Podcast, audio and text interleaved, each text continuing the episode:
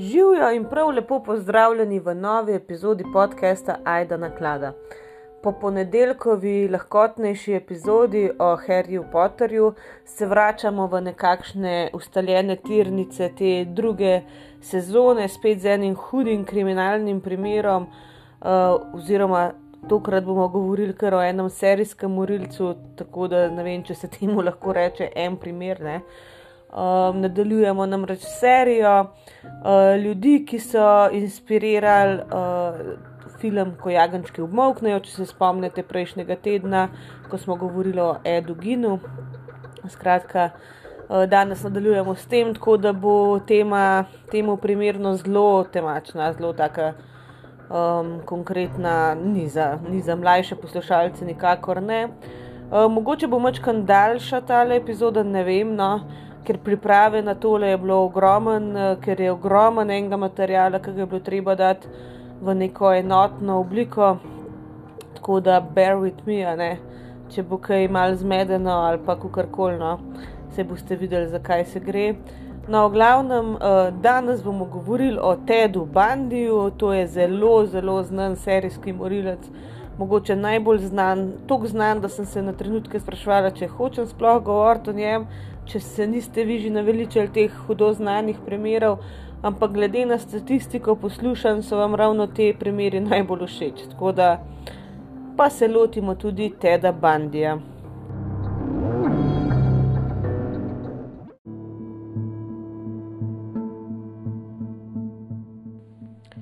Ted Bundy se je rodil v Burlingtonu v Vermontu 24. novembra 1946. Njegova mama je bila Eleanor Louise Cowell, uh, vsi so jo klicali Louise, uh, stara je bila takrat 22 let in ni bila poročena. Tako da to je bilo za tiste čase, ojoj, ne, grozen, uh, da je bila pa stvar še kar uh, mal hujša, pa ni imela pojma, kdo jo oče. Mal so govorili, da naj bi bil nek uh, vojni veteran, Lloyd Marshall, uh, potem naj bi bil nek, uh, nek, nek Jack Worthington. Uh, ampak največ je pa govoriti, da naj bi bil um, Tedov oče kar njegov dedek, da naj bi lasten oče Tedovo mamo zlorabljal in ji tako pač naredil otroka. Ampak kakorkoli, no, to, da je ona rodila samska, neporočena, da se ni vedela, kdo je oče, uh, je bila grozna, sramota za tiste čase. In ona je v bistvu uh, Teda rodila v eni, kako bi rekel, v enem materinskem domu. No, v neki hiši za neporočene matere uh, in je potem že, uh, mislim, to je v Vermontu, ga pač rodila, ampak ga je potem že kot mačkan večjega dojenčka prenesla uh, k svojim staršem v Filadelfijo. Uh, da bi oni skrili to dejstvo, da je on pač nezakonski otrok, ne, uh, so ga vzgajali kot da je nekako posvojen sin svojih starih staršev. Ne. Uh, v bistvu so mu rekli, da, uh, mislim, oni so mu rekli, da sta njegova ta prava starša, seveda. Ne? In so mu tudi rekli, da je pač njegova pra, v resnici mama, ne? se pravi Louis, da je pač njegova sestra. Tako da on je skoraj celo življenje odraščal z mislijo, da je Louis njegova sestra, ne pa njegova mama. Um, tudi um, veliko ljudi, a nekaj raziskoval, kasneje, zakaj je on postal morilc. Uh, predvideva, da je eden od faktorjev, ki so privedli k temu tudi njegov staroče, se pravi Samuel Cowell, uh, ker so mnogi sorodniki no, namreč povedali, da je bil on zelo eksploziven, pač da je res tako izgubil pač, uh, živce in da je bil čisto obseden s pornografijo, dedek se pravi teda. Ne? In da ne bi um, Tedo že kot zelo majhen mu kazal eno ogromno svojo zbirko pornografije, ki je vsebovala tudi zelo nasilne prizore seksa.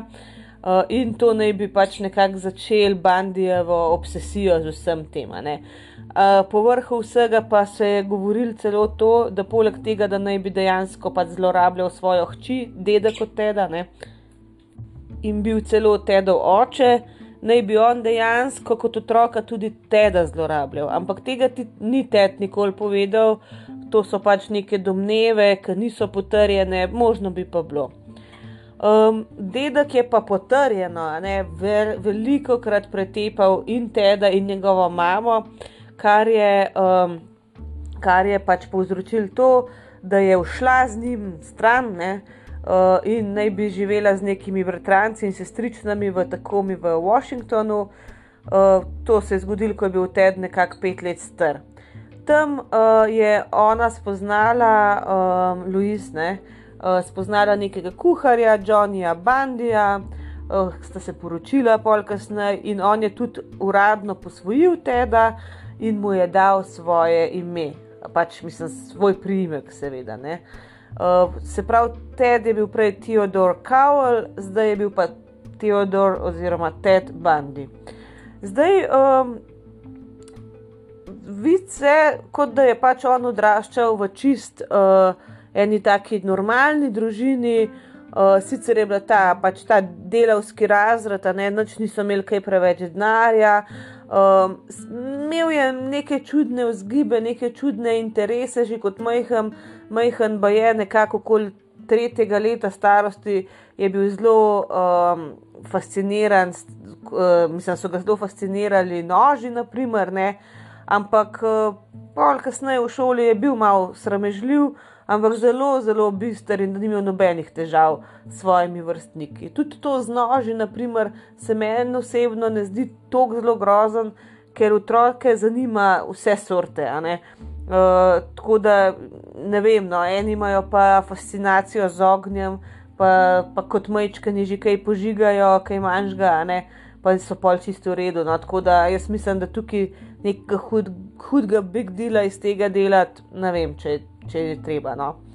Zdaj o preostanku njegovega otroštva ni veliko uh, znanga, ker je zelo različne uh, izjave okrog tega dajo skozi leta. Uh, ampak načeloma uh, je opisal svoje otroštvo kot čist normalno. No? Da je imel sicer neke temačne fantazije, ki so na njega zelo grozno vplivali, uh, ampak ja, drugače pa ja, pač njega so, mislim, on sam sebe je opisal kot da je bil nek tak uh, samotar, da se ni več družil, da je pač po noč hodil okrog, pa uh, zasledoval ženske, pa gledal uh, skozi okna, pač ne v, v, v hiše, opazoval ljudi. Medtem pa, naprimer, njegovi sošolci srednje šole njega opišajo kot čist uh, priljubljenega, pač ne, da so ga ljudje poznali, da je bil ful priljubljen. Tako da ne vemo, zdaj je on hotel sebe mačkan narediti še bolj zelo glasen, s tem, kar je vse govoril, kar koli. No. V tem je res, uh, res bolj malo znanga. No. Uh, on je potem šel seveda, v srednjo šolo, kjer je pač maturiral ali kar koli, leta 1965 in se je potem uh, upisal na University of Puget Sound.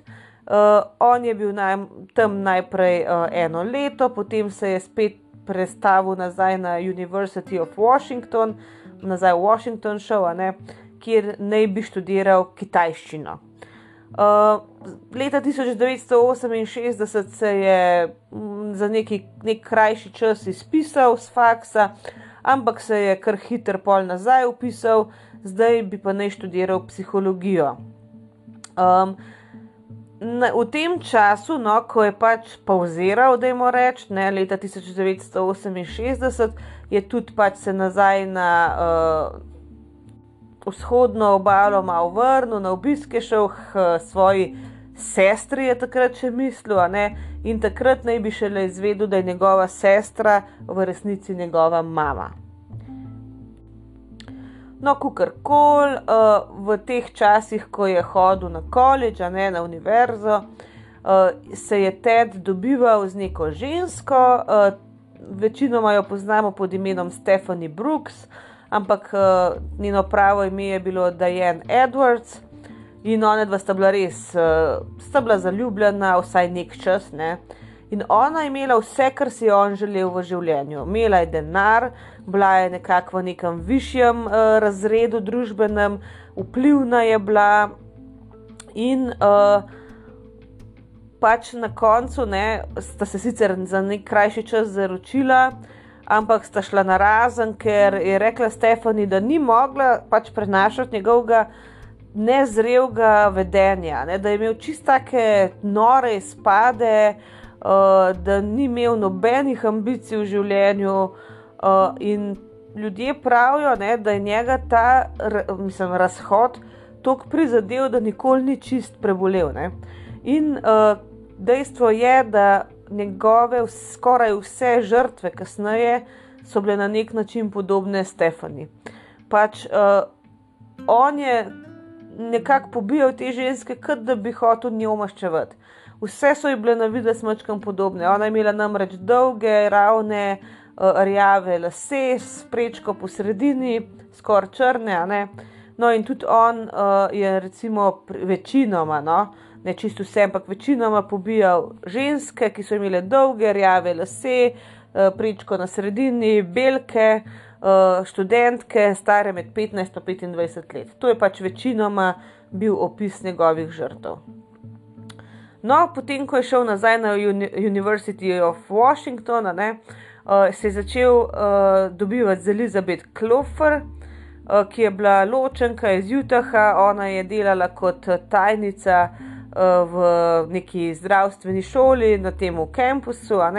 In kasneje no, jo bomo še omenili, ker je bila ona ena od prvih, ki so njega prijavili uh, kot uh, nekako sumljenca v teh uh, umorih uh, Pacific Northwest Murders, so jim takrat rekli. Uh, na univerzi v Washingtonu je on diplomiral leta 1972 iz psihologije in leta 1973 je bil sprejet na University of Puget Sound Law School, uh, pač je hotel študirati pravo, ampak je po parih mesecih nehal hoditi na predavanja, no, tako da je pustil ta faks.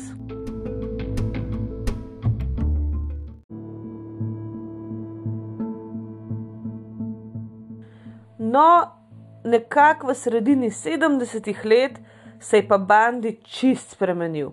On je res rad tako uh, samozavesten, ekstrovertiran, bolj aktiven v nekih uh, socialno-političnih zadevah. Še celo dobil je neko priporočilo od republikanskega guvernerja Washingtona, uh, ko je pač delal na njegovi kampanji. V glavnem, res je rad tako uh, prodoren mlad moški. In uh, celo delal je skupaj z neko uh, avtorico True Crime uh, žanra, en rul. Ona dva sta skupaj delala na neki liniji za preprečevanje samomorov v Seattlu. Um, v bistvu to je bil še čas, ko je on nekako se dobival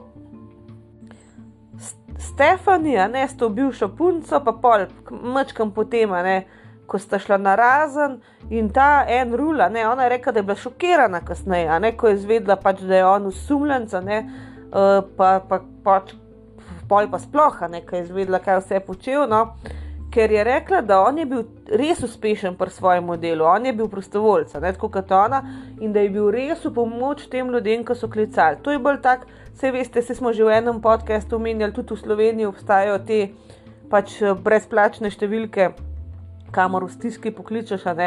In jaz spoštujem ljudi, ki tam delajo, ker to moraš biti človek za to, da lahko ti nekomu svetuješ, pa kar koli. No.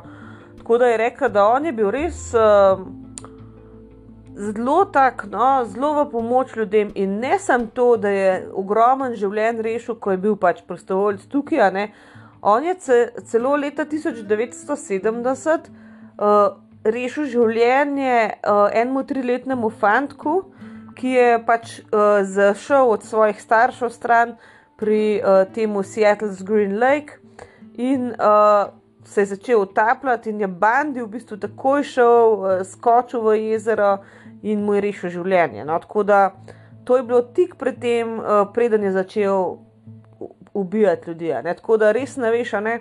na eni strani je nekdo, ki rešuje življenje, na drugi strani pa morilca.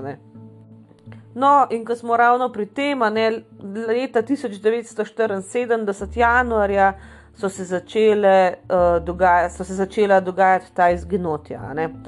Prvi znan njegov napad je bil, um, ni bil nekako umor, je bil samo napad na 18-letno Karen Sparks. Ona je bila študentka, pa plesalka na University of Washington.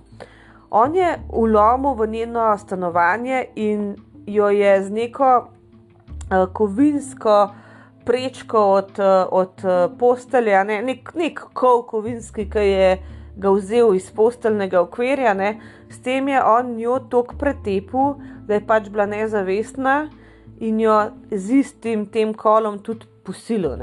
Tako da um, pustijo je pač tam umret, ampak so jo rešili, bila je deset dni v komi in pač tudi pol, ko, ko je preživela. No, Uh, je imela celo življenje pač težave, je bila pač invalidka, ne vem zdaj do katere, uh, do katere stopnje. No. Uh, naslednja njegova uh, žrtev in tudi prva, pač uh, prvi uh, potrjen umor, no, je bila pa Linda N. Healy.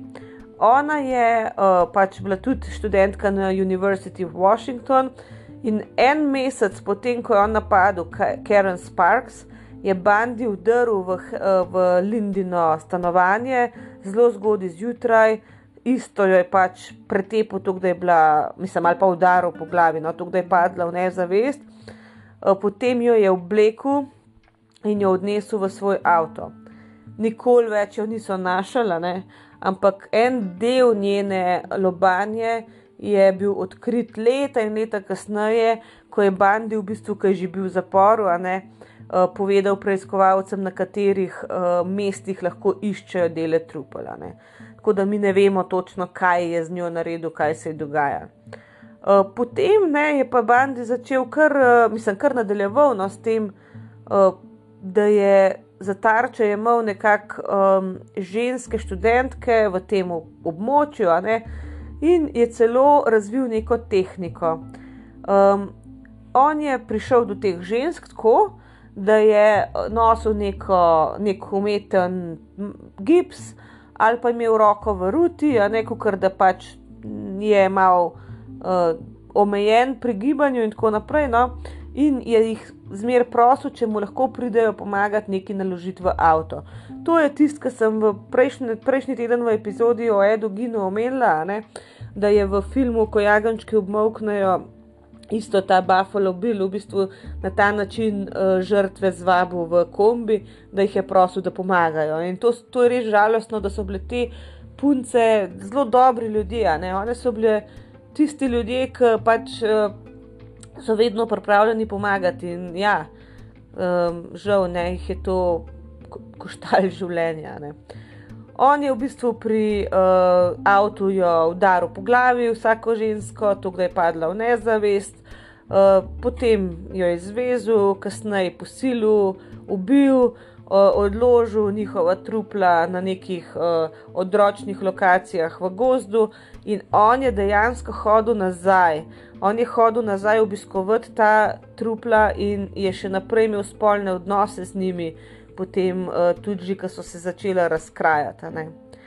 Um, Bandi je enkrat celo povedal, da je tok časa pač hodil, dokler ni ali preveč smrdel, uh, ali pa je že tok. Uh, pač razpadlo truplo, da ni več mogel seksati z njim. Tako da to je bilo res grozno, no? tako pač bolano do amena. No? Eh, v nekaterih primerjih je on celo obglavil trupla eh, in obdržal njihove lobanje v svojem stanovanju, in da je celo spal s temi glavami. Ne? On je pač zbiral trofeje, ne se to je za te serijske morilce velikrat pač značilno.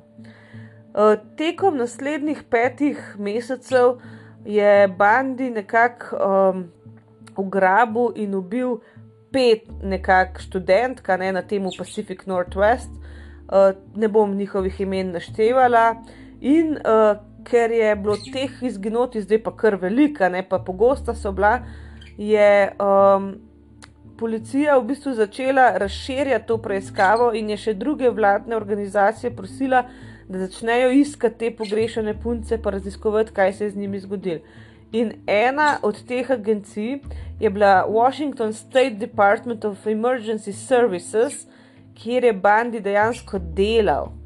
In tam je on spoznal Carol M. Boone, dvakrat ločeno mamo od dveh otrok. uh, ki jo je, s katero se je kasneje pol tudi dobival, boste tudi še za njo slišali. No, no in uh, kot se je pač ta uh, preiskava nadaljevala, ko so začeli res aktivno to, te punce iskati, pa raziskovati, kaj se pač z njimi dogaja, je vse več nekako uh, teh uh, prič se javljalo, da so pač uh, opisovali nekega osumljenca, ki se je ujemal z opisom Teda Bandija.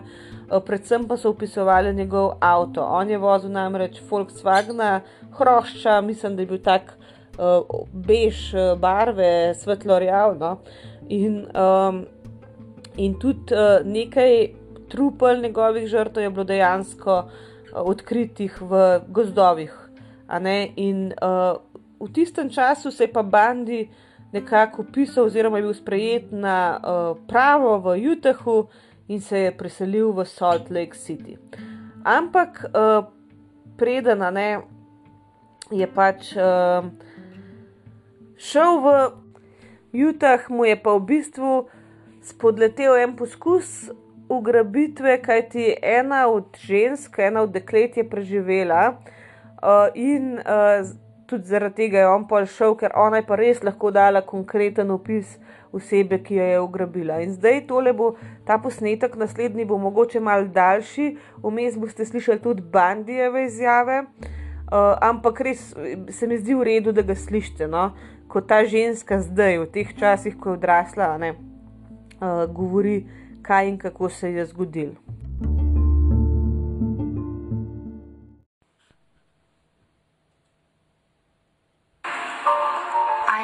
graduated from high school in the spring of 1974, I decided that I would just head over to the local shopping mall, which was only a couple miles from my house.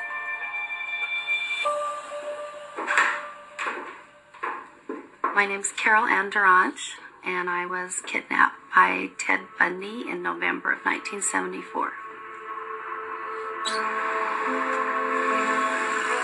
I walked through the mall and was looking in the bookstore window.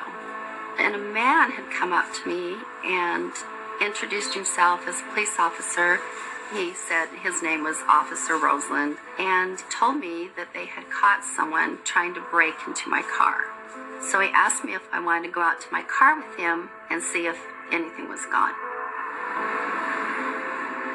we were at the car, I opened the door and we were looking in. I could see nothing was gone. Then that's when he said, Well, uh, we have the suspect that was trying to break in your car at the substation in the mall. Do you want to, do you have time? Do you want to go over there and fill out a complaint? And I said, I said, sure, I'll do that. So we walked across the street from the mall to another building and it was back of a laundromat and tried to open the door like it was the substation, and of course it was locked, and said, Well, they must have taken him down to the police station. He's not here. And it's that point that I think I could smell alcohol in his breath a little bit. And I said, Can I see some kind of ID? And he flipped open his wallet and he had a badge. And I said, Oh, okay. My number one ruse or lure would be the police badge commands a lot of power, at least initially, until the cover is blown. Yeah, that's that's a good one.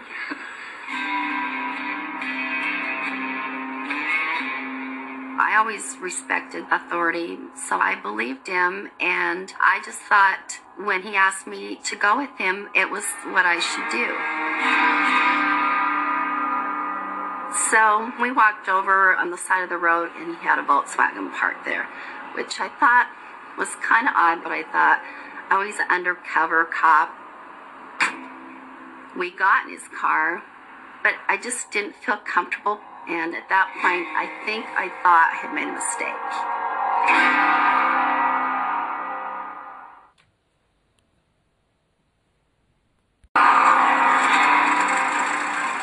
He turned the car around and headed away from the mall.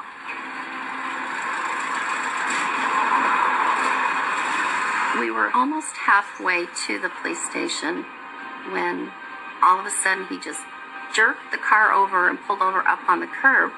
Then I knew something was wrong. And I start screaming, What are you doing? What are you doing? This isn't the police station. Why are you stopping? What's going on?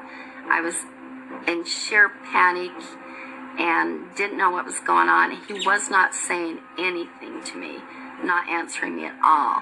And he was trying to grab my hands. He got a handcuff on one of my wrists. We were struggling. He never got it on the other wrist. I was punching and screaming and just fighting, and uh, all my fingernails were broken. I knew he was going to kill me. His face and the way he was acting, he was just crazy. He turned into a monster. My whole life was flashing before my eyes, and I thought, my, my God, my parents are never going to know what happened to me. And finally, I saw a gun, and he said, I'll blow your head off. And I just thought to myself, go ahead, I'm not going with you. And at that point, I somehow got my hand on the door and was able to get out the passenger side. And we struggled outside of the car. I could feel a crowbar in his hand. I had my arm up, struggling with him, so he went and hit me with it. And um, at that point, a car started coming the opposite direction. And I was able to run out to the street to this car, and I just flung open their door and jumped in on them. I was crying. I was hysterical. I was saying, This man, this man just tried to kidnap me. My feeling was that he would do it again to someone else. And when he left me, he drove up to Bountiful, which is another city. Bountiful was a very quiet community. It was more of a bedroom community for a lot of people who were employed in Salt Lake City. My name is William O'Collard. I go by the name of Bill. I worked the Ted Bundy case back in 1974. Deborah Kemp was a very vivacious 17 year old young lady, always dependable. She was just a wonderful girl. On the 8th of November 1974, she went to a school play at Beaumont High School in Bountiful with her parents, and towards the end of the play, they asked her to pick up her brother at the ice skating rink. Later that evening, they walked outside and they noticed that their car was still in the parking lot. They knew something was terribly amiss. Was she killed right there at the school? No. But you are responsible for her death, though. Yes. Did it take place in your car or? Uh, No. In uh, the place where I lived. oh, you took her home? Right. I did, I did keep her there for a period of time. Day. 24 hours. Sure. Was she alive during that time period? Let's see, during half of it. We searched the area and we found a handcuff key, and it was determined that it was the same handcuff key markings that were made by the handcuffs that were taken from the wrist of Carol DeRonch only two hours prior to Deborah Kemp missing.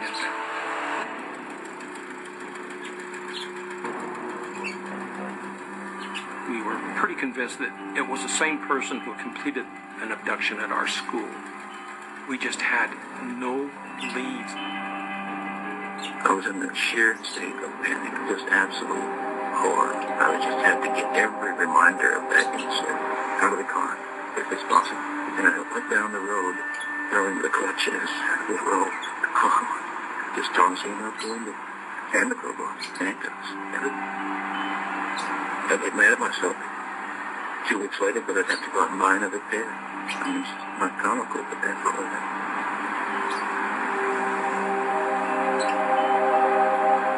had survivor's guilt that because he didn't get me that night, he drove up there, and I think he was just enraged by the time he got to her.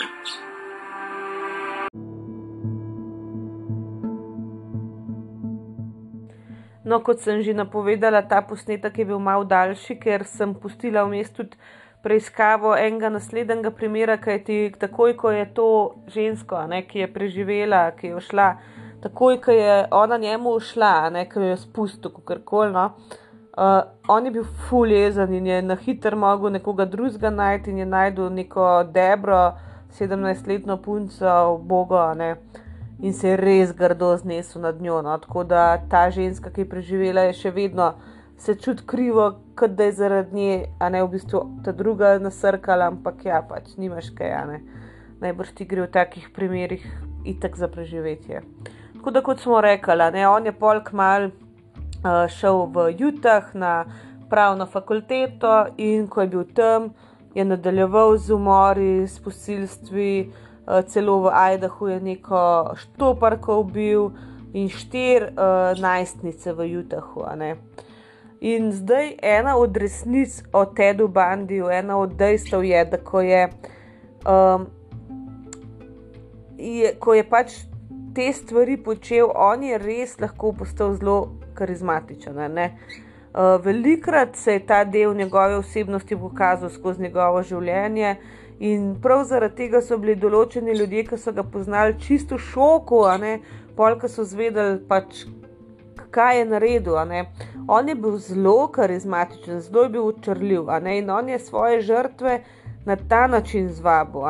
Delo se je, da je neki invaliden, da ima roko zlomljeno, da rab neko pomoč, ali se je postavil v neko avtoritativno vlogo, naprimer, da je policist. Uh, v glavnem, pač on je na tak najbolj ranljiv način, uh, mislim, najbolj ranljive dele osebnosti njegovih žrtev, ne jo izkoristil. Ne. In tudi največkrat je pač žrtve uh, na neke osamljene uh, lokacije pripeljal ali pa kar v svoje stanovanje, recimo, kjer je imel mir, kjer se je lahko pač izživljal. Uh, kot smo že rekli, za njega ni bilo dovolj, ne, da je samo pač povzročil neko smrt, da je nek uh, kriminalno dejanje naredil, ampak uh, on pač je sam pol priznal, da se je, kot smo že rekli, vračal, da se je še enkrat predstavljal, kako je bilo, da, da je kritiziral samega sebe, je opazoval, kako je koga ubil, pa si je mislil, da to bi lahko boljš naredil, pa je naslednjič kao spremenil zadevo, mislim, grozno.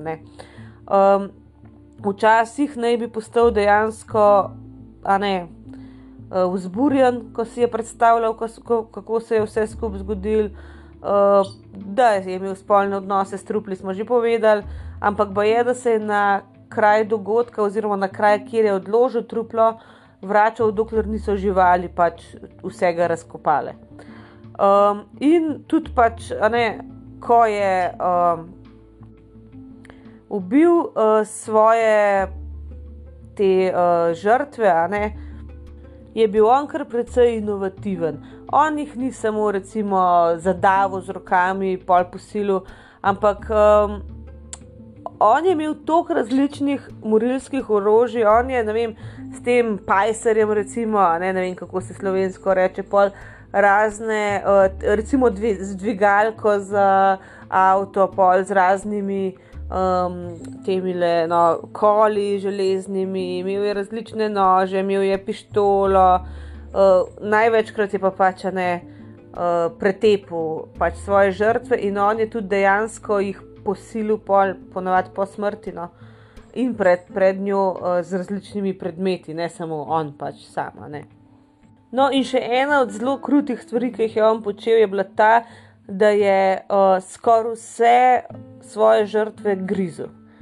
Pač uh, veliko njegovih žrtev je imel ugrizne, pač te rane, a ne ugriznine, uh, posod po telesu, največ po prsih, po trebuhu, po zadnji plati. Uh, in um, nek, eni od žrtev je celo odgriznil prsno bradavico. In na koncu so ga v bistvu povezali s temi zločini na podlagi zobnih kartotek, uh, ker je uh, dejansko pustil odtis svojih zob na eni, uh, na eni od žrtev. No, in v glavnem, ko se je vse to začelo dogajati, ko se je pol tudi v Utahu začelo to dogajati, je ta njegova uh, bivša partnerica Klopfarjeva, um, ki je vedela, da se je on tja prese, preselil, ker je pač tam pustil, a ne, njo, a ne, uh, poklicala policijo in jim rekla, da sumi, da je njen bivši partner pač kriv za te dejanja, ker je pač že prej, ne. Uh, se je to dogajalo tam, kjer je bil on prej in se je tam zdaj nehal, zdaj se je začel pa tam, pač kamor je on šel. In jaz vam bom zdaj spet zavrtela posnetek te njegove bivše partnerice. My life with Ted Bundy. As I'm sure you've asked yourself, why not me? I hate to even say this because it makes him sound normal, but I do think he loved us. Bundy was in his early 20s when he met Liz Kendall at a bar in Seattle, Washington. Well, I was pretty smitten right from the get go. She was a young, reasonably naive single mother from Utah who met the man who was considered by virtually everybody in society and culture in the 1970s as the dream date, the perfect husband material, a Prince Charming. But there were two sides to Bundy. This is what makes 1974 so extremely different. He's determined. He's going to launch himself into full time murder, and he's just going to keep doing it until he was captured or killed. One of his first known victims was 21 year old Linda Ann Healy, a senior at the University of Washington. Bundy spotted Healy at a bar, followed her home, and strangled her in her bedroom. Can you describe to me what your relationship was like in 1974? Just subtle changes where I felt like maybe I was losing him. You thought maybe, worst case scenario, he's seeing someone else. Yes. Never in my dreams did I think he was out stalking women and then eventually abducting and murdering women. No, ona se je zdaj pač preimenovala in zamenjala priimek, uh, kukorkoli. No, pač tukaj smo slišali, v času, ko je bil on še pač tam, a ne uh, v Sietlu ali kjerkoli že bil. No. Um, prej, no, preden je šel v Jutah, je imel razmerje z njo, ona je imela hčerko, živeli so skupaj. Pač v Netflixovem filmu je to zelo, zelo dobro opisano da ona ni imela pojma, da se karkoli dogaja. Pač ona mu je zaupala, da je bil on sam z njeno hčerko. Veš, da če imaš občutek, ne, da je človek nevaren, da ga ne pustiš z otrokom, ampak karkoli. No. Uh, v glavnem, to mi je res zelo zanimivo, da ljudje niso pomislili na nič, ampak da pa je bila tako kritična, da je kasneje poklicala pač policijo. No. No, in začelo se je zbirati nekako dokazno gradivo, ki je dejansko pač kazalo na te, da bandija. Um, ko so v Washingtonu preiskovalci nekako nabrali na kup svoje podatke, uh, se je njegovo ime pojavljalo na najvišjih lestvicah osumljencev. Uh, in ne da bi pač on vedel, da nekako preiskovalci uh, začenjajo biti zelo zainteresirani za njega, da začenjajo nekako svoj interes uperjati van, uh, je on nadaljeval z umorja. Uh, šel je naprej v Kolorado, uh, iz Utaha, ne? in uh, tam je ubil več mladih žensk, še vedno več. No, ampak avgusta 1975 uh, so bandija ustavili zaradi, ne vem, pač nek rutinski, pre, uh, pač ta kontrola prometa, ne rutinska. Uh, in to ustavili so ga v Salt, Salt Lake Cityju, v predmestju. Uh, in uh, policist je pač umesane odkril v tem avtomobilu neke maske, uh, lisice, določene predmete, s katerimi bi lahko pač pretepil nekoga. Ne? In čeprav, um, ne, čeprav to ni bilo dovolj, da bi kar aretiral človeka, je uh, policist nekako ugotovil, kaj je preveril dokumente, pa to da je on dejansko osumljen za neke prejšnje umore in so ga vzeli pač, ne, na opazovanje, pač začeli so mu malo slediti. Vmes so pa policisti tudi našli njegovega bitla, ne, njegovega hrošča, ki ga je on vmes prodal, ne, zato ker seveda ne, vsi so ga s tem hroščem povezovali. Uh, in uh, v tem hrošču so dejansko odkrili lase, ki so jih povezali s tremi od žrtev, in s temi dokazi so ga dejansko pač dal med osumljence v ta line-up, to pač kadajo, ne vem, sedem, osem uh, ljudi. In je potem, mislim, da ravno tako je prej govorila, ker je pač preživela napad, prišla in ga je identificirala, ja, to je on. In takrat je bil on v bistvu obtožen um, ugrabitev, v bistvu ugrabitve in napada na to žensko dotično, in so ga poslali uh, v zapor, da bi vmes lahko policija v bistvu sestavila uh, pač primer ne, proti njemu, tudi v zvezi s temi vsemi umori.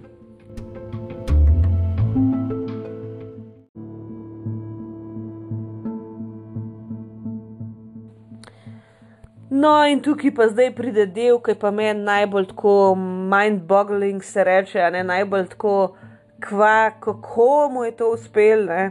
Ampak eh, leta 1977 mu je uspelo, da je ušel iz neke uh, knjižnice v, uh, sod, na sodišču v Espnu, v Koloradu. Uh, kaj ti, zakaj, mislim, kako je do tega prišlo? On se je javil, da bo sam svoj odvetnik, ne? ker je pač par tistih predavanj poslušal, Itak je bil totalen narcis in je bil prepričan, da on to zmore. In ko je uh, imel nek uh, zaslišanje in je bil vmes uh, pač nek odmor, uh, je prosil, če gre lahko v to uh, pravno knjižnico, ker oni so imeli tam knjižnico z vsemi temi materijali, da gre pač nekaj naštudirati.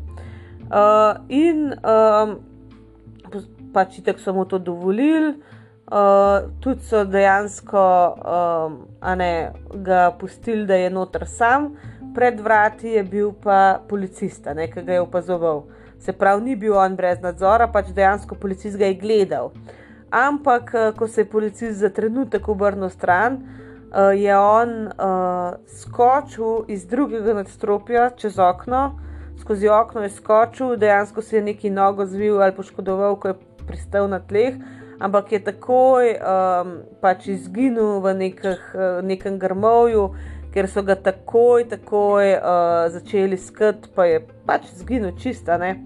In uh, imel je nekak načrt, da bi prišel do Aspen Mountains, ne, do gora, uh, nekako lomil je v neko kočo in kasneje še v neko prikolico, da bi dobil življenjske potrebščine, ampak res ni imel, a ne uh, ni imel kaj ukrasti, ni imel s čim preživeti, tako da se je pač odločil, da ne bo izginil v divjini, da mora pač eno drugo, uh, en drug način najti. Uh, potem se je vrnil nazaj v Espen, v mesto, tam je ukradel neko avto uh, in pač je želel čim dlje od te uh, zaporniške celice priti, ampak ne, spet je pač vozil zelo pač sumljivo, prehiter in tako naprej in policija ga je takoj opazila, tako da po šestih dneh uh, bega je bil spet pač ne ujet uh, in uh, so ga strpali nazaj v zapor. No, in če ste se zdaj držali za glavo, kako jim je lahko ušel, vam lahko povem, da uh, je ušel še enkrat in to samo šest mesecev kasneje, tokrat pa direkt ven iz uh, zaporniške celice. On je nekje dobil zemljevid tega zapora in je ugotovil, da je njegova celica direktno pod stanovanjem nekakšnega glavnega um, paznika ali kar koli. No, Tukaj so imeli pač nilih v stanovanju, kot en apartmajček, da je ta, ta glaven paznik tam imel, ne, da se je lahko pol šel vem, po noč počiti in kar koli. In da je v bistvu med tema dvema uh, sobama, kar koli. No, uh, bil samo nek, uh, nek prostor, ne? kot ren, uh, ni bila niti orang stena. No? Uh, in je nekako z nekim sojetnikom, ne, uh, tradu, ne, nekaj menu, neke dobrine, da je prišel do ene mičkene žage. In ko so njegovi uh, sojetniki v bistvu ali bili na telovadbi ali potušem, je on delal in je žagal v bistvu zapor celice, plast po plast tega stropa je stran praskal, plast po plast tega knaufa, iz katerega je v Ameriki vse narejeno. Uh, in uh, ta ta luknja, ki je on naredil, bila res majhna, ne? zelo, zelo majhna. In dejansko je on začel namenoma hujšati manj jesti, zaradi tega, da bo pol se lahko čez to luknjo splazil. In tudi ne, zelo, zelo je bil tak, um, zelo je načrtoval vnaprej. Prejšnjič, ko je pač ušel, mu ni uspel, zaradi tega, ker on ni imel nobenih pripomočkov zunaj, on ni imel nobenih potrebščin, nič. In uh, zdaj je pač se drugače tega lotil in je si shranil en manjši kupček denarja, ki mu ga je Carol M. Boone pošiljala in prinašala v zapor. To je bila pa ženska, če se spomnite, ki smo jo že omenjali, ona dva sta se odprej že poznala. No, in ona je bila zdaj obsedena z njim, ona je bila pripričana, da ni kriv, vsa zaljubljena vanga. No, in je hodila k njemu v zapor in mu je te stvari nosila. In ko je bil pač pripravljen, ko je on vse to naredil, je Bandi nekako dokončal to luknjo, se je uh, splazil gor v uh, paznikovo sobo, ker tam nobenega ni bilo, je dejansko se preoblekel iz svojih zaporniških oblačil v čistake normalne oblačila in dejansko čez prva vrata zapora odkorakal ven. Takrat ni nič odlašal. Ne? Uh, takoj je ukradel nek avto in šel ven iz mesta. Prišel je celo do Floride. In njegov namen je bil, da se zelo tako drži prtleh, da zdaj pa ne bom izzival, ne bom ne, sploh uh, probaval karkoli več uh, neumnosti pod, pač delati. Ampak uh, fora je bila v tem, da ker ni imel osebne izkaznice, nobenega drugega dokumenta, on ni mogel dobiti službe. Ne. In spet je bil nazaj na nekakšnih krajah, uh, pač zato da je dobil sploh denar, ne nekako že paril, ne, uh, ker pač ni mogel delati za denar. In tudi njegova želja po nasilju je bila čist premočna. Uh, 15. januarja 1978, to je bilo nekako dva tedna po njegovem uh, pobegu iz zapora, je Bandi udaril v Chi Omega Sorority uh, hišo, ne, na Florida State University v kampusu. In v 15 minutah je, paste, spolno zlorabo in ubil Mar Margaret Bauman in, in Liso Levi. Obe njiju je pretepil iz um, nekakšnega s temu lesom, ki sta ga imeli pripravljena tam za kamina, ne s polenom, jo je pretepil do smrti. Uh, potem jo je še zadušil z uh, nogavicami, z uh, najlonkami, in na to je napadel še Kathy Kleiner in Karen Chandler, ki sta bile grozovito poškodovane, recimo tudi uh, zlomljene čeljusti, manjkali so jim zobe. Uh, in na to je takoj pola, ne, uh, udaril tudi v stanovanje od Sheryl Thomas, ki je bila par ulic stran doma in jo je tok pretepil, da je za zmeri uglušela. Uh, ko, je ve, ko je bil še vedno na begu, februar, 8. februarja ne, istega leta, je ugrabil 12-letno Kimberly Diane Leach uh, iz njene srednje šole, oziroma to ni niti srednja šola, middle school je v bistvu, uh, kot bi rekel, tretja triada. Um, in uh, jo je pač uh, ubil in njeno truplo um, odvrgel na neki prašiči farmi. No, in zdaj vam bom jaz zavrtela posnetek, ko so Bandija v enem od zadnjih intervjujev, oziroma v zadnjem intervjuju, ne preden je bil usmrčen, spraševali ravno o umoru Kimberly Leach. Pa poslušajte, kaj je pač imel zapovedati.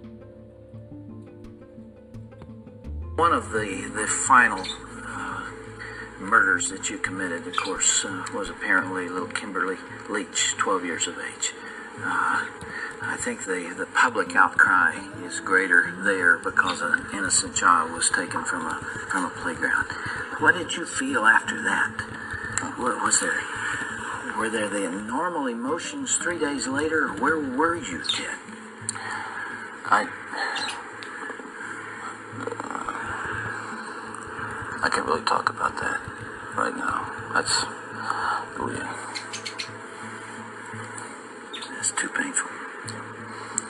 I would like to. Uh, I'd like to be able to convey to you what that that uh, that experience is like, but I can't. I just won't be able to talk about that. Okay.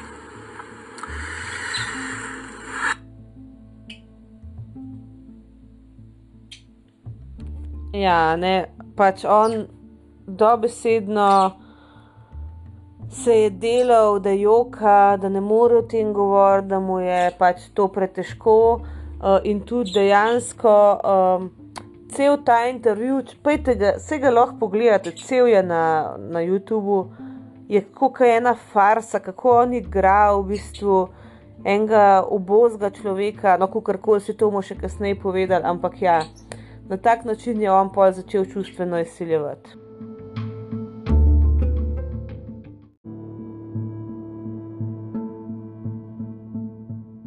No, ampak spet je prehitro vozil, spet je grozen vozil in spet je na ta način pritegnil pozornost policije. In uh, ko so ugotovili, da tablice pripadajo enemu avtu, ki je bil prijavljen kot ukraden, ne, uh, so ga ustavili, našli v avtu tudi. Uh, pardon, v avtu našli osebne izkaznice treh od uh, pogrešanih oziroma ubitih žensk, ne, in so ga potem tudi povezali s uh, drugimi zločini, tako da zdaj je vendarle šel na sojanje. Uh, spet je bil pač uh, svoj zagovornik in je sam sebe sabotiral, no, uh, ker ni nobenih na svetu od uh, odvetnikov poslušal, on je sam sebe zagovarjal, pojma ni imel, kaj dela. In na koncu je bil seveda obsojen in je bil uh, tudi obsojen na smrt, uh, ki, na katero je čakal v Florida, Stratford Prison. Uh, tam so ga pač uh, sojetniki res uh, zlorabljali na polno. Uh, dejansko so ga nekako skupinsko posilili, enkrat štirje. Um, pač vse to se dogaja, ne? to so rekli, da se to dogaja sploh z ljudmi, ki so uh, stvar, grozne stvari počeli, recimo ženskam ali pa otrokom, nasploh, a ne, mislim. Sploh otrokom, no, ker vemo, da on je veliko mladoletnih deklet pobil, ne? tako da jaz to kar verjamem. No. Ga je pa ta Carol M. Boone, o kateri smo govorili, dejansko še um, obiskovala uh, in uh, on, ko je sam sebe pač zagovarjal, je njo poklical na, um, pač kot pričo, a ne na sodišču, in jo je medtem, ko je ona pričala, dejansko zasnubil, uh, in ker sta en drugmu pred sodnikom povedala, da bi bila mož pa žena, je to čist legalno obveljal. Uh, in dejansko naj bi celo on njej naredil otroka med enim um, obiskom v sodišču, potem no, v zaporu, no, da so podkupili nekega varnostnika, da ima v stran pogled, no, kako koli. Ona je bila vse čas, vse čas prepričana, da je on nedolžen. No. No, ampak uh, na koncu no, uh, je on vendarle priznal, tako da je um, takrat ona čist spremenila svoje mnenje, kako koli. No. Uh, na koncu je bil pač on uh, usmrčen 24. Januar, januarja 1989. Zdaj, ob tem dogodku so se na stotine ljudi pač zbrali pred uh, tem zaporom. Uh, kar nekaj ljudi je protestirali, protestirali proti tej usmrtitvi, ampak večina je prav praznovala pač njegovo smrt. Uh, ob šestih zjutraj uh, so ljudje, v bistvu 500 ljudi, ne, uh, tam prišli ne, pred zapor, uh, čakali. Uh, Spekli burgerje, ki so jih ponovali, smoked bandija, ker bo kao on tudi zažgan, kajti usmrčen je bil na električnem stolu. No. Potem ko je dejansko bil smrčen, uh, so ognjemet naredili. No. Tako da ja. Ena od mam je sicer rekla, da za vse, kar je on tem puncem naredil, je bil električen stav za njega še čist premila kazano. Ampak uh, dejansko je on tik pred smrtjo, tik pred smrtjo. Um, priznal, nekak, da je ubil, mislim, da 3, 34 ali 33 žensk, nekako 30 do 40 jih je nekako potrdil, oziroma nekaterih se niti spomnil. Ni. Uh, povedal je, kje ne iščejo trupla, pa so samo koščke najdel. Tako, tako da uh, mogoče pravijo, ne, da naj bi nekje do 100 oseb lahko ubil. Uh, tudi v nekem dokumentarcu, ki so ga na Netflixu, Netflixu posneli, so povedali, da on dejansko do konca ni čutil nobenega obžalovanja za te umore. Uh, dejansko je posnet, ko reče, da uh, se pač ne, ne počuti krivega in da tudi ni kriv, ker to je počel nek čist ločen del njegovih misli in je on čist pozabil na vse. In prav, da zdaj pač razume svoje dejanja uh, in da kriv, da je samo en način, kako kontrolirati ljudi in da to ni zdrav mehanizem. Tako da, uh, ja, pač on se ne počuti krivega, ne mislim, full over, full zdrav mehanizem je pa to, kar si ti počel. Uh, v glavnem, jaz vam bom zdaj zavrtela še en posnetek enega, mislim, tega zadnjega intervjuja, enega odlomka. No? Uh, pač kako govori o svojem otroštvu, pa kaj, misel, kaj on misli, zakaj je pač prišlo uh, do tega, do česar pol na koncu je.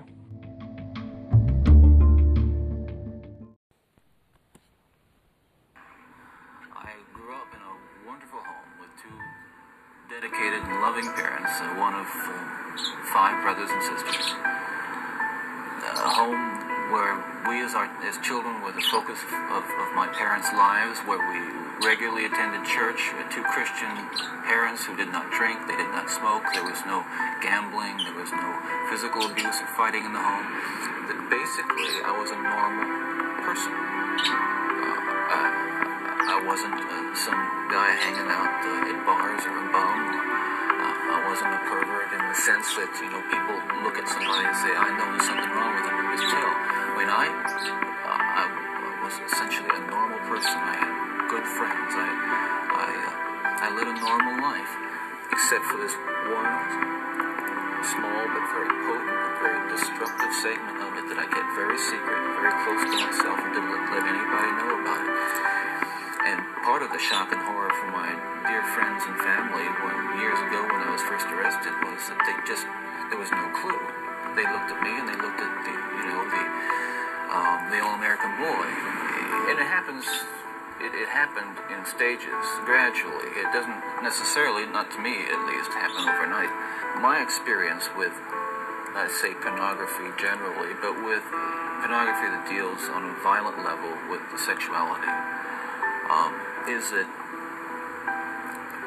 once you become addicted to it, and I look at this as a kind of addiction, like an addiction, you keep craving something which is harder, harder, something which which gives you a greater uh, sense of, of, of uh, excitement, until you reach the point where the pornography only goes so far. You reach that jumping off point where you begin to wonder if, if maybe actually doing it will give you that which is beyond just reading about it or looking at it. I'm no social scientist and I haven't done a survey. I mean, I, I don't pretend that I know what John Q. Citizen thinks about this. but I've lived in prison for a long time now. And I've met a lot of men who were motivated to commit violence just like me. And without exception, every one of them was deeply involved without exception, deeply influenced and consumed by an addiction to pornography. There's no question about it. The FBI's own study on serial homicide shows that the most common interest among serial killers is pornography. Those of us who are, who have been so much influenced by violence in the media, in particular pornographic violence, are not some kinds of inherent monsters.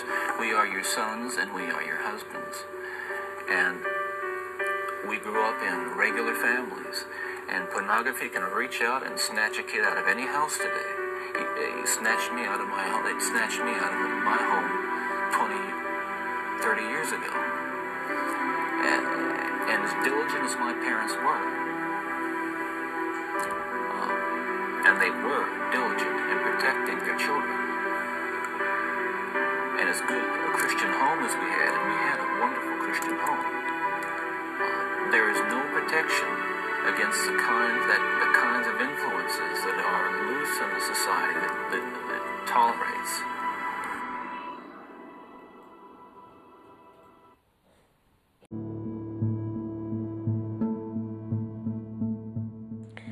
No, jaz se upravičujem za to nadležno musko v zadju prejšnjega segmenta, to je pač že uh, pri videu zraven, tako da ne morem žal nič pomagati. No, kakorkoli, ta intervju je on dal, mislim, da en dan preden je bil smrčen in on je tako fake, res joka in um, obtožuje pornografijo, da on, če ne bi bilo pornografije, ne bi tega nikdar naredil, bla bla bla kakorkoli, no, pač njegova zgodba se je pol končala, tako kot se je. No. Zdaj, uh, pač on do konca ni hotel priznati, kot smo rekli, ampak tik predena ne. Je pač, uh, je pač uh, bil smrčen, je dosta stvari, pač dosta stvari priznal, uh, ampak uh, dosta stvari se pa tudi med sabo ni ujemal, zaradi tega pač ne morejo biti čist sigurni. No. Um, Je pa on uh, leta 1984 pomagal FBI-ju uh, pri ustvarjanju neke baze podatkov, ki bi jim pomagala ujeti uh, serijske morilce prek tega, da bi analizirali nekakšne uh, vzorce, ne vzorce teh uh, umorov, uh, pol modus operandi in tako naprej, ne se pravi načina, kako ubijajo in tako naprej. In uh, pri tem dejansko že obsojeni serijski morilci lahko veliko pomagajo. Uh, tako da uh, tukaj je še ena povezava, mogoče s filmo, filmom, ko jagančki obmoknejo, uh, da dejansko te ljudje so kasneje še uporabni. Ne? Nekdo, ena znanstvenica je celo rekla, da je to ful škoda, da se ga je pač uh, usmrtil, ker dejansko bi bil lahko zelo, zelo uporaben pri preiskovanju kasnejših umorov. No, dejansko so s pomočjo v bistvu te baze podatkov, ki jo on tudi pomagal, pač ne um, ustvariti, ujeli neki serijskih morilcev. Eden recimo od najbolj vidnih je bil Gary Ridgway, um, on je bil Green River Killer, enkrat ga bomo obdelali še njega, ker je res zanimiv primer. No? Uh, tako da, ja, ne, jaz verjamem, da so tudi to ljudje, ki na nek način lahko doprinesejo k družbi vseeno, pa tudi, uh, sej veste, se tu smo že veliko govorili o smrtni kazni, da jaz nisem. A ne, ker sem poslušala West Memphis 3 primer, sem bila tako, ok, ne, pač, ne, pač smrtna kazen ni ok, lik zaradi primerov, recimo Damiena Ekolsa, ki bi lahko bil že mrtev, čisto po nepotrebnem. Samo ne vem, ne, v tem primeru, ki mu je bilo vse tako dokazano, ki je priznal, pa kaj jaz vem. Mislim, sicer pravijo, da je dražje ga usmrtiti, kot pa futratne. Ampak ne vem, zdaj jaz ne, nisem tukaj na mestu, da to sodim. Um, pa tudi mislim, da ni, tukaj sploh ni črno, črno-belga um, mnenja, tako kot se z ljudmi pogovarjam. No? Ampak ja, vsekakor mogoče bi bil bandi še. Uh, še nekako koristen, čeprav po drugi strani je pa on tak manipulator bil, da vprašanje, kako bi to izkoristil za svojo ritmo. No, in še ena stvar. Ne? Uh, o tem smo govorili v eni prav posebni epizodi, uh, kakšna dekleta ljubijo barabe, ampak moramo tukaj tudi omeniti, uh, kar velika ne pač morilcev je imel svoje fan klube, so postali slavni, recimo Charles Manson, um, recimo on je imel tako fan klub, ne samo ženske, ne, uh, so ga častili razni ljudje. Ampak recimo Ted Bundy se mi pa zdi, da je pa en šampion, kar se tukaj tiče um, uh, teh bapane, žensk, ki so mu pisali v, v zapor, on je, ampak zdaj pač, ne z malo rezerve to vzemite, ampak on je bil dejansko zelo simpatičen človek. On je bil za pogled tak čeden uh, moški, izobražen je bil, znal je lepo govoriti, znal je ta svoj šarm, to, to učrljivost vklopiti. In uh, jaz po en stran razumem, ne? ampak polk enkrat zveš, kaj vse počel pismo, a ne. Ne vem, kako ti je lahko še hud, vse to smo že govorili, no? ampak dejansko ta uh, Bunova, ne, njegova žena v zaporu, ona je dejansko z njim ostala poročena, dokler ni pol on sam priznal, da je pobil te ženske.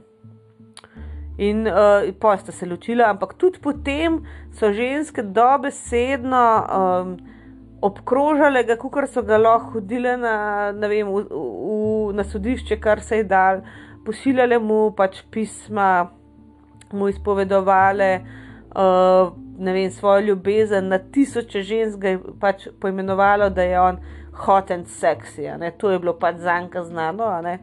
In uh, v zadnjem času, ko je Netflix v bistvu uh, dal ven ta film z zelo dolgim, dolgim, dolgim naslovom, v katerem igra Zac Efron, um, odličen film, drugač. Uh, Sej dej pogooglite Zac Efron, Ted Bundy, ki je res tako dva stavka dolg naslov. Um, odlično odigra Zac Efron, tudi tako res je mimiko naštudiral, da mu je skoraj malo podoben. No? ampak uh, spet so začele ženske tvitati, pa, pa širiti po raznih socialnih omrežjih, koliko je bil seksi Ted Bundy in da je dejansko um, Netflix vendar pač prošlo oziroma obvestilo, kako koli sporočilo, da naj prosim ženske nehajo klicati serijskega morilca, da je seksi, da na svetu je na tisoče seksi moških, ki niso serijski morilci. Uh, tako da, ja, še vedno so nekatere uh, ženske prepričane, da je bil on sanski moški.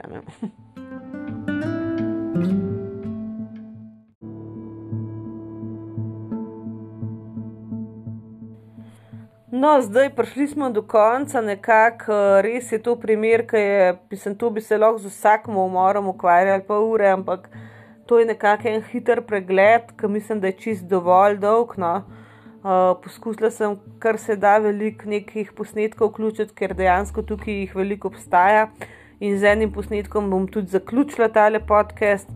Moramo namreč povedati, da Ted Bundy je bil zelo nadarjen moški, fant, kakorkoli, ki bi lahko imel zelo svetlejšo prihodnost, če bi se pravilno odločil. In uh, tale naslednja izjava. Uh, je v bistvu zadnja izjava uh, sodnika, potem ko je bil obsojen na smrt.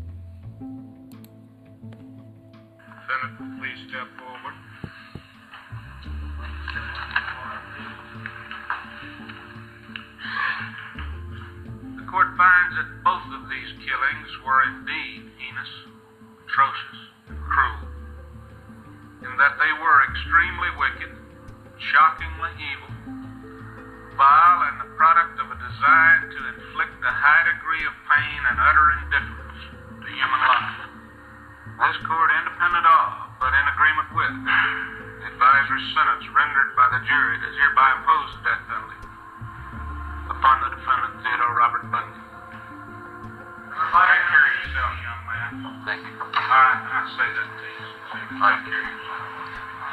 It's a tragedy for this court to see such a total waste, I think, of humanity that I've experienced in this court. You're a bright young man. You made a good lawyer. I'd love to have you practice in front of me. You went another way, partner. Take care of yourself. I don't have any animosity to you. I want you to know that. Court will be in recess until Saturday morning at 10 o'clock. No, upam, da se je kar tok slišal, ker je res slab posnetek, ampak Na koncu je sodnik rekel, pač, da v tej sodni dvorani smo bili priča um, veliko več izgubam življenja kot samo pač, ne, tem žrtvam, da tudi njegovo življenje je v bistvu šlo v nič, da on je zelo nadarjen, zelo bistr mlad moški in da v drugačnem scenariju bi ga on z veseljem imel v svoji ekipi, ampak se je pač odločil drugače. Zdaj v tem posnetku dotičnem se tudi vidi njegovo mamo od tega, ki joče zdaj v sodni dvorani.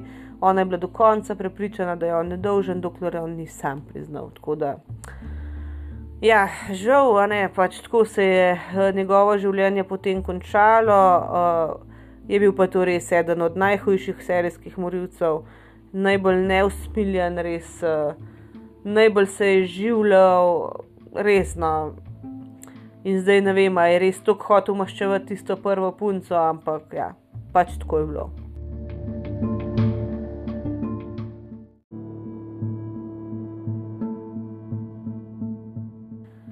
No, to je to za današnjo epizodo. Zelo lepo povabljeni na Instagram profil Aida Naklada podcast, tam se o tem lahko pogovarjamo. Eh, če vam je eh, pač podcast všeč, če bi radi se zahvalili, nagradili, kakorkoli, eh, vabljeni na mojo spletno stran, ki je zdaj prenovljena, tam najdete gumbek Buy Me a Coffee, tam lahko date kakšno minimalno donacijo, če zmorete, če želite. Ne bom nič, mislim nikdar ne bi rekla, da je kaj treba ali pa kar koli. No. Um, lepo se majte, no, pridite na no, glavnem, kaj predebatirate, to sem zmeraj vesela, drugače pa lepo se majte in se slišmo v petek, kaj bo na sporedu, še ne vem, ampak bomo videli, nekaj sigurno bo. Slišmo se v petek, fajn se majte in čau, čau. A ja, pa ostanite varni, pa zdravi. čau, čau.